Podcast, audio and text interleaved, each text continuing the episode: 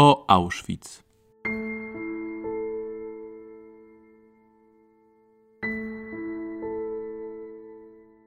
Historia obozu Auschwitz jest niezwykle złożona.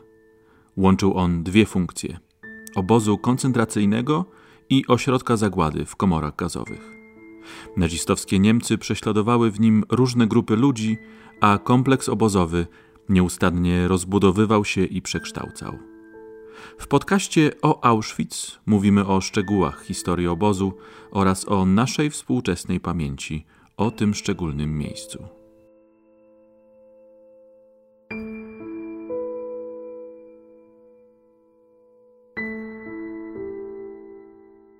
Obóz koncentracyjny Auschwitz posiadał blisko 50 podobozów. Największe miały rozbudowaną strukturę administracyjną, oddzielne baraki szpitalne, łaźnie, a nawet małe krematoria. W mniejszych natomiast więźniów zamykano na noc w salach lub w piwnicach. Nie było tam ogrodzenia i wież wartowniczych, a żywność dowożono z obozu głównego. Większość więźniów zatrudniano przy pracy w przemyśle zbrojeniowym, wydobywczym i rolnictwie. Na początku 1945 roku w podobozach przebywało więcej więźniów i więźniarek niż w obozach Auschwitz I i Birkenau razem wziętych. O historii podobozów Auschwitz opowiada dr Piotr Setkiewicz, kierownik Centrum Badań Miejsca Pamięci. Czy w momencie zakładania obozu Auschwitz pojawiła się idea założenia oddzielnych, odrębnych jednostek, gdzie przebywali i pracowali więźniowie, czy była to raczej potrzeba chwili? pierwszych latach istnienia KL Auschwitz panowała zasada, iż wszyscy więźniowie powinni przebywać na terenie obozu, to znaczy przynajmniej wracać na apel wieczorny i w nocy przebywać na terenie otoczonym drutem kulczastym. Przez długi czas władze obozowe wręcz odmawiały wszelkim prośbom, które zmierzały do zatrudnienia więźniów poza Auschwitz. Zwłaszcza miało to swoje uzasadnienie, kiedy w Auschwitz prowadzono przede wszystkim liczne prace budowlane, wznoszono nowe baraki, budowano drogi i logicznym wydawałoby się, że więźniowie w takiej sytuacji powinni wracać do obozu e, na noc. Sytuacja ta zaczęła się zmieniać właściwie dopiero w 1941 roku, kiedy to wokół obozu doszło do licznych akcji wysiedleńczych kiedy usunięto polskich rolników e, z wsi znajdujących się pomiędzy rzekami Sołą i Wisłą, to jest mniej więcej obszar około 40 km2, e, co nazwano później zwaną strefą interesów obozu. było to związane z planami utworzenia tam wielkich gospodarstw e, rolnych, gdzie więźniowie mieliby pracować, uprawiając ziemię odebraną polskim chłopom. Z tym, że wydawało się zapewne zesmanom, iż więźniowie będą mogli po prostu dochodzić na miejsce pracy z obozu głównego i po zakończeniu dnia pracy do, do obozu wracać. Ale bardzo prędko okazało się, że istnieją ku temu pewne przeszkody, y, zwłaszcza jeśli chodzi o y, gospodarstwa, których znajdowało się bydło odebrane polskim gospodarzom które trzeba było karmić, krowy trzeba było e, doić wcześniej rano, także rozwiązano to prowizorycznie w ten sposób, że do Rajska, gdzie owo bydło się znajdowało, dochodziło z obozu macierzystego takie niewielkie komando pilnowane przez kilku wartowników, e, które zajmowało się właśnie tymi pracami. I wreszcie w 1941 roku, ale już pod koniec tego roku, w grudniu, do e, wsi Harmęże e, skierowano na stałe kilkudziesięcioosobowe komando więźniów, którzy zajmowali się karmieniem e, drobiu, kaczek, kur, które to przeniesiono z terenu przyobozowego do klatek, które znajdowały się w Harmężach. Tam więźniów umieszczono w takim dworze właścicieli tamtejszego majątku rolnego. To był właściwie pierwszy podobóz Auschwitz, aczkolwiek dość chyba jeszcze wtedy nieformalny, to znaczy w dokumentach niemieckich tego okresu nie nazywano tego komanda jeszcze komandem zewnętrznym czy podobozem. Dopiero potem, w miarę upływu czasu, kiedy owa idea powstania wielkich gospodarstw rolnych SS zaczęła się bardziej materializować i kiedy mm, okazało się, że wiedziony pewnie ambicją Hess starał się, żeby te gospodarstwa nie były tylko miejscem, gdzie by więźniowie uprawiali zboże czy ziemniaki, ale jakimiś wysokospecjalistycznymi gospodarstwami rolniczymi czy też hodowlanymi. Należy pamiętać, że w południowej części strefy interesów obozu znajdowały się liczne stawy rybne i to pobudziło wyobraźnię Hessa, który doszedł do wniosku, że ten rodzaj gospodarki można w pobliżu Auschwitz rozwijać. Zamówił on w tym czasie właśnie dwie poważne ekspertyzy naukowe, które miały wspomóc go przy organizacji tych gospodarstw rybackich i no, doprowadzić do znacznego powiększenia, podwojenia ponad areału tychże stawów rybnych. Także przy czy to hodowli bydła, czy przy e, nadzorowaniu owych stawów potrzebne były mm, konkretne komanda, które by mogły tam podjąć pracę od razu z, z rana. I to był powód, dla którego stopniowo grupy więźniów przenoszono do e, podobozów, które miały bardzo prostą formę, czyli były to jakieś jeden lub dwa waraki ogrodzone ogrodzeniem drutu kolczastego i tam znajdowała się taka jakaś niewielka załoga składająca się ze spanu wartowników i komandoführera takiego podobozu. To podobozy, które powstawały na terenie strefy interesów SS, czyli na terenie całkowicie kontrolowanym przez SS-manów. Natomiast jeszcze przez długi czas Hess odmawiał zgody na wysłanie więźniów na dalszą odległość od obozu, gdzie mieliby pracować w zupełnie innych miejscach i przy innego rodzaju wytwórczości. Jaka w ogóle była definicja podobozu? Definicja jest dość prosta. Jest to miejsce, w którym więźniowie przebywają stale przez dłuższy czas i tam są zakwaterowani. To w dokumentach niemieckich wygląda bardzo różnie. Nazywa się to komandem zewnętrznym, czy podobozem, czy obozem pracy, ale sens zawsze pozostaje e, ten sam. To znaczy więźniowie, którzy są odrębnie zakwaterowani i strzeżeni przez wydzieloną jakąś grupę SS-manów, jakąś, czy to kompanię, czy fragment kompanii, którzy posiadają własnego dowódcę, i e, taki podobóz e, zazwyczaj miał mm, coś w rodzaju swojej mikroadministracji w postaci Lagerführera, czyli kierownika e, podobozu, czasami też, najczęściej z kilkoma urzędnikami, którzy wspomagali go w tej pracy. Wspomniał Pan, że pierwszymi podobozami były podobozy rolne. Jakiego typu podobozy Auschwitz możemy w ogóle wyróżnić? Spośród y, wszystkich podobozów generalnie uważa się, że wyróżnić można kilka ich typów, to znaczy zazwyczaj duże podobozy, gdzie więźniowie zatrudniani byli w fabrykach i w y, przedsiębiorstwach, które to wnioskowały o przydział takich więźniów do różnego rodzaju prac. Y, I były to zazwyczaj firmy zajmujące się produkcją z zakresu przemysłu ciężkiego, czyli głównie huty, były to kopalnie węgla kamiennego oraz e, wszelkie innego rodzaju zakłady przemysłowe, które potrzebowały po prostu więźniów do pracy przy produkcji różnego rodzaju dóbr. Natomiast istniały też e, podobozy budowlane, można rzec, to znaczy miejsca, gdzie więźniowie zatrudnieni byli przy realizowaniu różnych inwestycji, e, budowie czy przebudowie istniejących obiektów. No i wreszcie podobozy stanowiące zupełnie odrębną kategorię, czyli tak zwane podobozy leśne. E, gdzie więźniowie pracowali przy wyrębie drzew i pozyskiwaniu gałęzi różnego rodzaju materiału odpadowego dla potrzeb obozu koncentracyjnego. Domyślam się, że warunki egzystencji w tych podobozach były różne w zależności od ich rodzaju. Jak wyglądały warunki egzystencji więźniów tam pracujących? Warunki te wynikały z e, kilku podstawowych przyczyn. Jeżeli popatrzymy na historię tych podobozów, i na e, chyba najbardziej obiektywny miernik warunków, które w nich panowały, to znaczy śmiertelność, okaże się, że najgorsze, najtrudniejsze warunki panowały w podobozach powstałych najwcześniej. Czyli w 1942 roku to są podobozy przy fabryce IG Farben w Monowicach, największe w ogóle spośród wszystkich podobozów Auschwitz. Poza tym w kopalni węgla kamiennego w Jawiszowicach, w kamieniołomie w Goleszowie, czy też w fabryce obuwia w Chełmku i tam. W owym okresie więźniów traktowano najgorzej, to znaczy w, poddawani byli takiemu drylowi, który był charakterystyczny dla tego okresu istnienia Auschwitz, gdzie więźniowie zmuszani byli najczęściej do pracy biegiem co powodowało to, iż e, bardzo szybko tracili siły, a kapowie, którzy nadzorowali ich e, pracę, byli nadzwyczaj brutalni, zmuszając ich do maksymalnego wysiłku.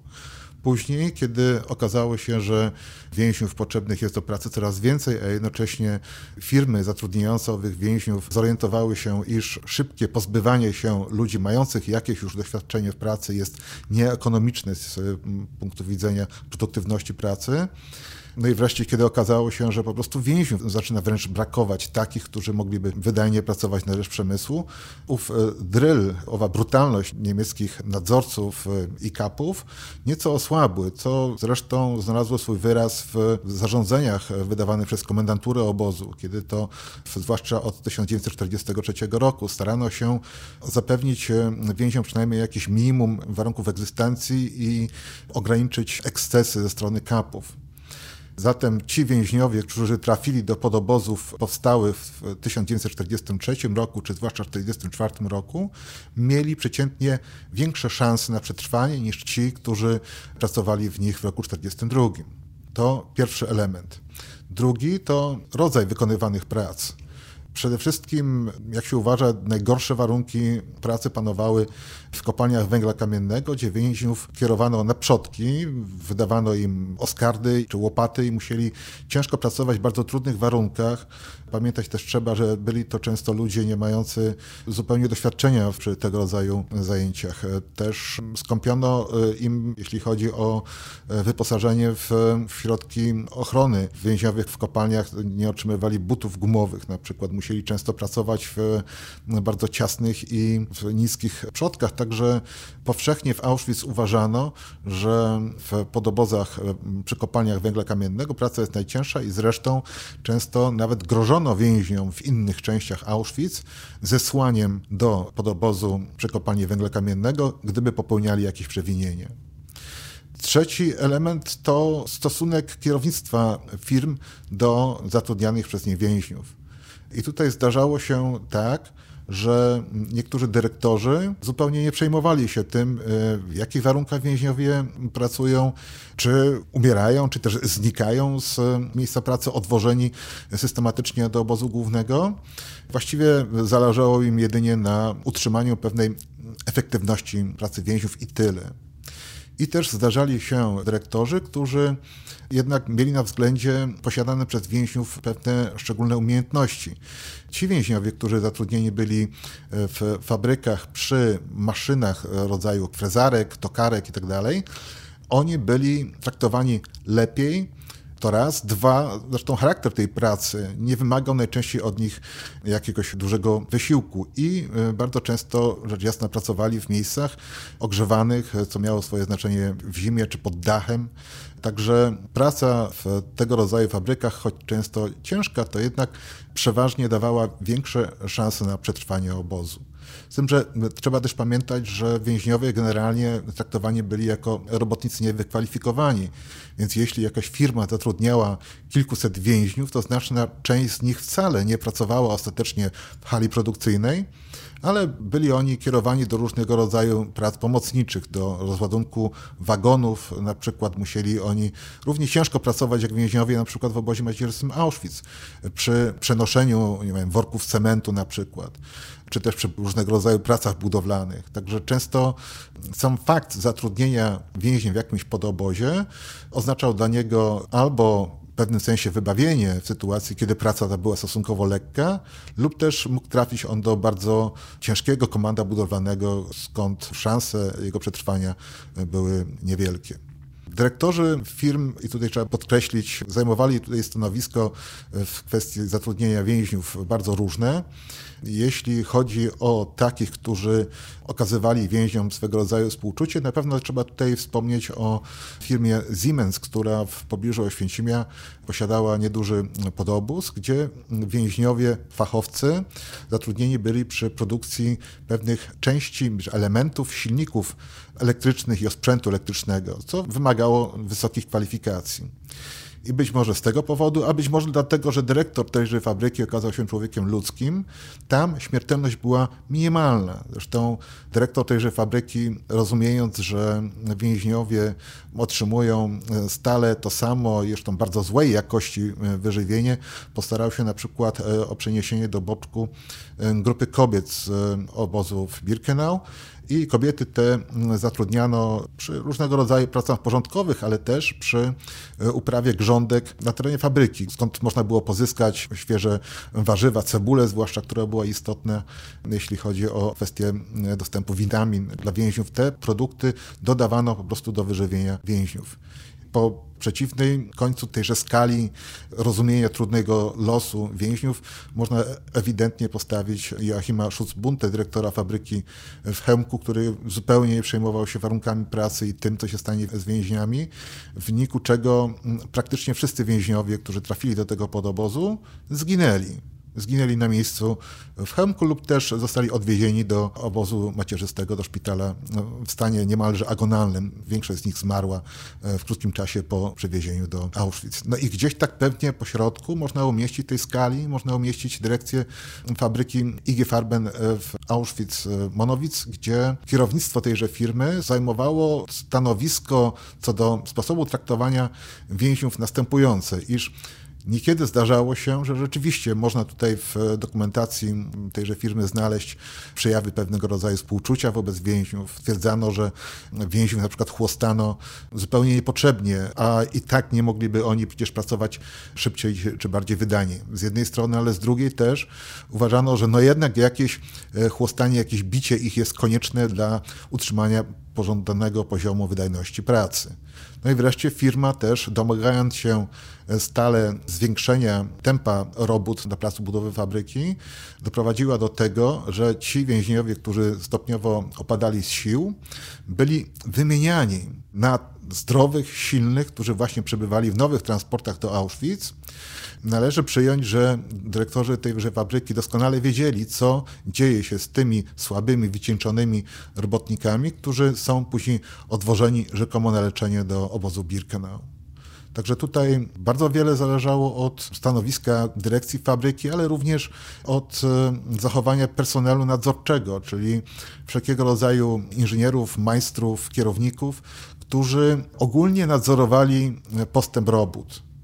Zatem w sytuacji takiej, kiedy na przykład więźniowie otrzymywali wielkie młoty, którymi mieli rozbijać jakieś bryły kamieni po to, żeby w tłucze nie można było wykorzystać do budowy dróg, no zdarzało się, że na przykład jakiś tam niemiecki inżynier zwracał uwagę na to, że przecież to może się dla nich skończyć źle i postarał się o przydział dla nich okularów ochronnych. Z jednej strony. Ale z drugiej strony też, y, i to była niestety częstsza praktyka, taki majster czy nadzorca, zirytowany jego zdaniem wolnym postępem robót, w końcu zwracał się do kapo czy do SS-mana, żeby ten zrobił coś, żeby tempo robót wzrosło. W związku z tym taki SS-man instruował odpowiednio kapo, a ten chwytał za kij po prostu bił bez miłosierdzia więźniów, zmuszając ich do pracy często ponad siły. No i wreszcie zdarzało się też, że niektórzy członkowie nadzoru niemieckich fabryk sami brali ich zdaniem sprawiedliwość w swoje ręce, to znaczy po prostu bili, tłukli, kopali, bili pięściami więźniów po to, żeby zmusić ich do szybszej pracy, co zresztą było Niechętnie na to spoglądało kierownictwo SS-mańskie takich podobozów. W końcu doszło do wydania szeregu zarządzeń, które miałyby ukrócić tego rodzaju praktyki. Tutaj właściwie nie chodziło o to, że rzecz jasna, że SS-mani jakoś szczególnie współczuli tym więźniom, ile właściwie o spełnienie pewnych wymogów regulaminu i utrzymanie takiego swoistego monopolu na maltretowanie więźniów przez SS. Czy mógłby Pan powiedzieć o podobozach kompleksu Auschwitz, które wyróżniały się na tle innych rodzajem pracy, jaką tam wykonywano? Tak, wydaje się, że więźniowie najczęściej pracowali, to prawda, przy zajęciach, które wymagały po prostu dużej siły fizycznej i były niesłychanie wyczerpujące ale spoglądając na całość kompleksu obozowego Auschwitz, można odnaleźć tam pewne komanda lub nawet całe podobozy, gdzie praca była stosunkowo lekka i dawała więźniom znacząco większe szanse na przetrwanie. Były to bardzo różne i dziwne niekiedy zajęcia.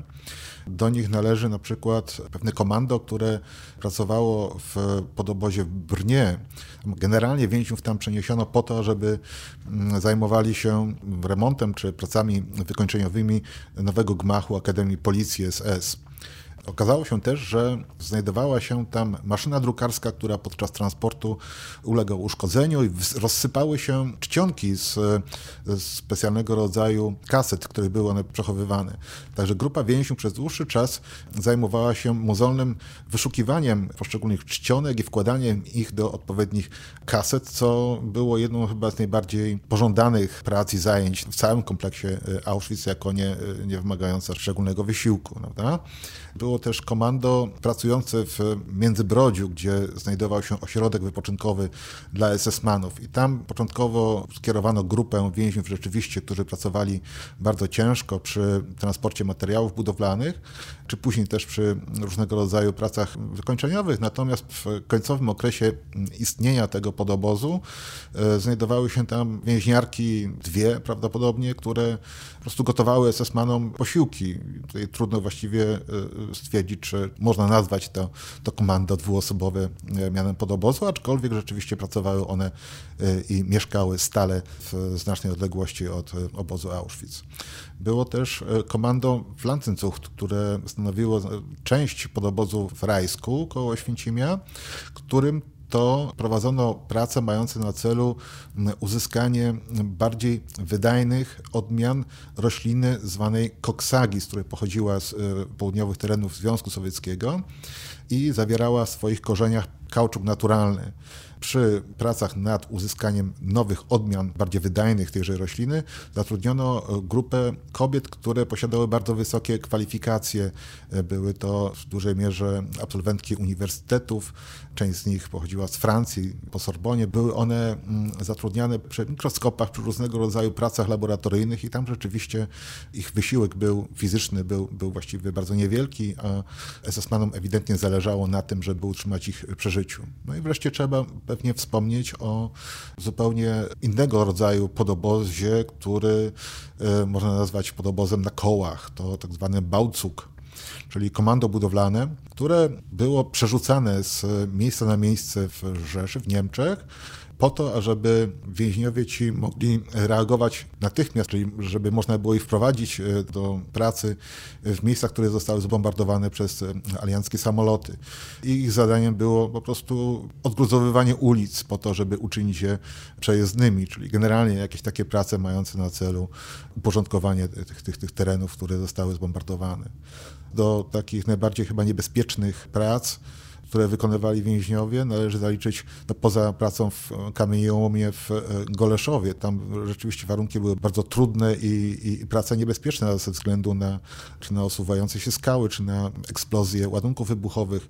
E, wreszcie więźniowie ci mieli ładować urobek na wagony kolejowe, zresztą przy wyznaczeniu bardzo wysokich norm to należy wspomnieć też o grupach więźniów, zwłaszcza w podobozie w Czechowicach, które były wysyłane do rozbrajania niewypałów, które to pozostały na terenie tamtejszej rafinerii w wyniku nalotów amerykańskiego lotnictwa.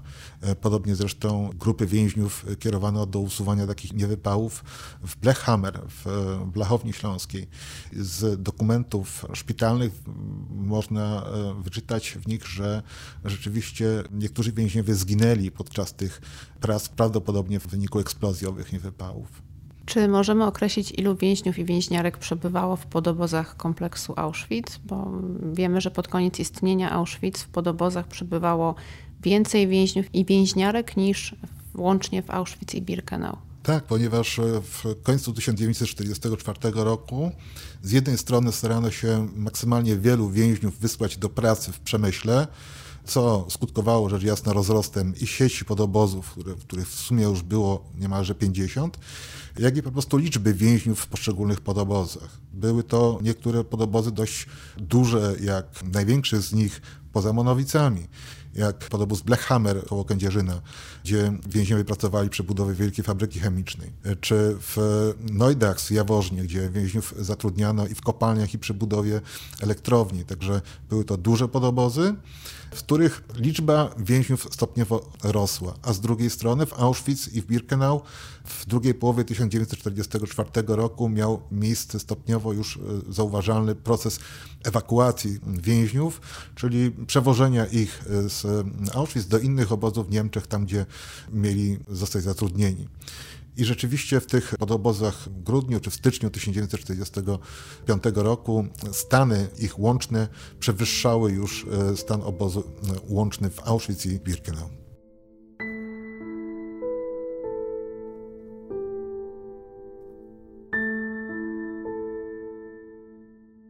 Wszystkie podcasty z cyklu o Auschwitz znaleźć można na stronie www.auschwitz.org ukośnik podcasty.